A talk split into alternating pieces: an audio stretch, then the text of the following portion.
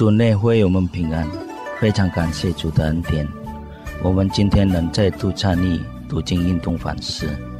读经运动反思之前，请阅读本日读经运动的经文和请阅读本日读经运动的短诗。弟兄姐妹们平安，感谢神，今天又赐给我们新的一天，也赐给我们健康的身体。还没有执行今天的活动，我们先来亲近上帝，求上帝来光照带领我们今天的道路。今天读经运动的反思是从阿摩斯书五章一到二十七节，题目是悔改与渴望着悔改。我们先做个祷告。天父上帝，我们满心感谢您。现在我们要聆听你的话语，求主。耶稣对我们说话，让我们可以明白你的话。感谢你，主。啊！我们祷告，奉靠主。耶稣基督的名求，阿门。阿摩斯书五章一节。以色列家呀，要听我为你们所做的哀歌。这里阿摩斯对以色列民说话，哀叹以色列人的所作所为，甚至告诉了他们：如果你们不悔改，上帝会施加惩罚。阿摩斯通过这个哀歌传达了对以色列人行为的警告。在十二节，我知道你们的罪过何等多，你们的罪恶何等大。你们苦待一人，收受贿赂，在城门口去往穷乏人。这里以色列人的一切行为，他们欺骗、压迫、做坏事。由于他们的恶行，阿摩斯先知警告他们：他们应该寻求上帝，悔改，生活在真理中。我们看在十四节，你们要求善，不要求恶，就必存活。这样，耶和华万军之神必照你们所说的，与你们同在。要恶恶好善，在城门口秉公行义，或者耶和华万军之神向约瑟的渔民施恩。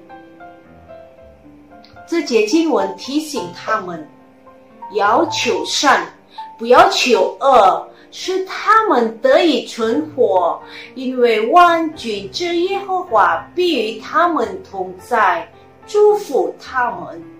阿摩斯向以色列人发出哀叹和警告：“弟兄姐妹们，在这个时代，神仆人经常告诉我们，提醒我们在生活当中要在真理中过生活，生活在上帝的律法中，遵守上帝的诫命。”但是我们成为了神的儿女，神的门徒，却总是偏离神的道。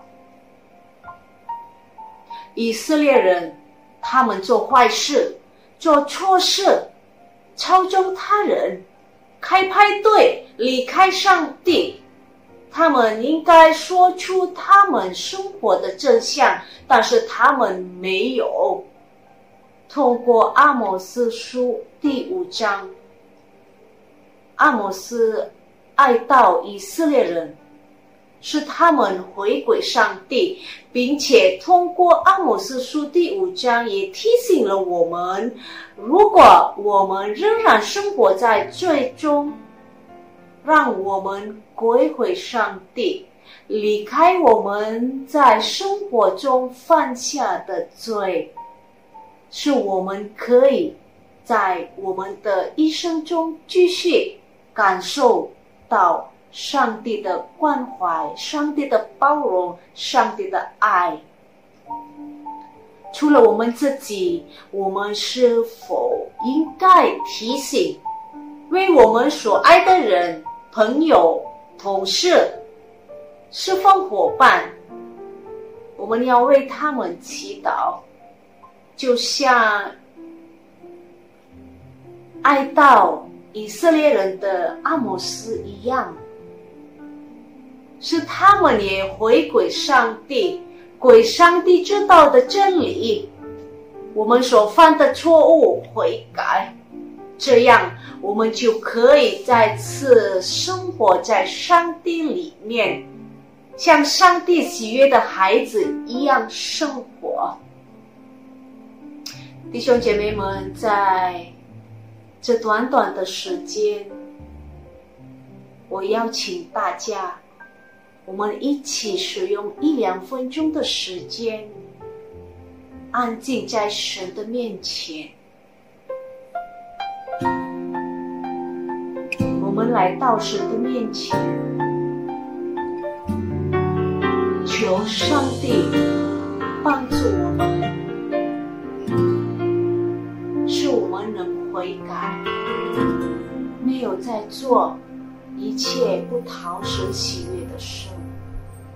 祝你救赎我们，召聚我们，为你征战。祝我们同心寻求你的国度，你的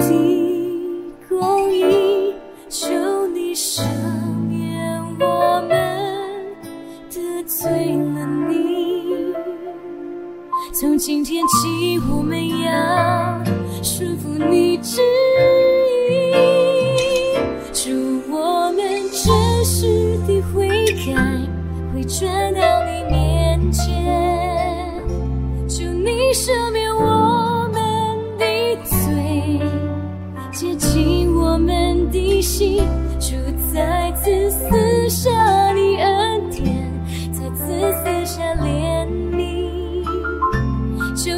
我们生命，为你而活，一生讨你喜悦。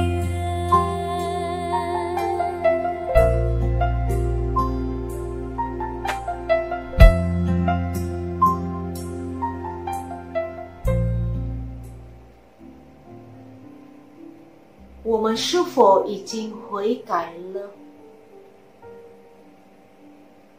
我们是否渴望着我们周围的人为信上帝的也悔改？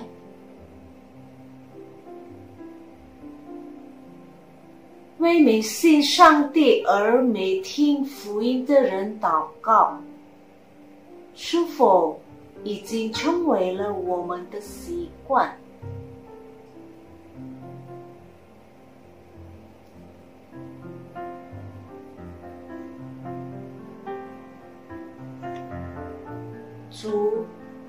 已经救赎了我们。从今天起，我们要顺服你的旨意。主，我们真实的悔改，回转到你面前，求你赦免我们的罪，洁净我们的心。主，再次。赐下你的恩典，再次赐下你的怜悯，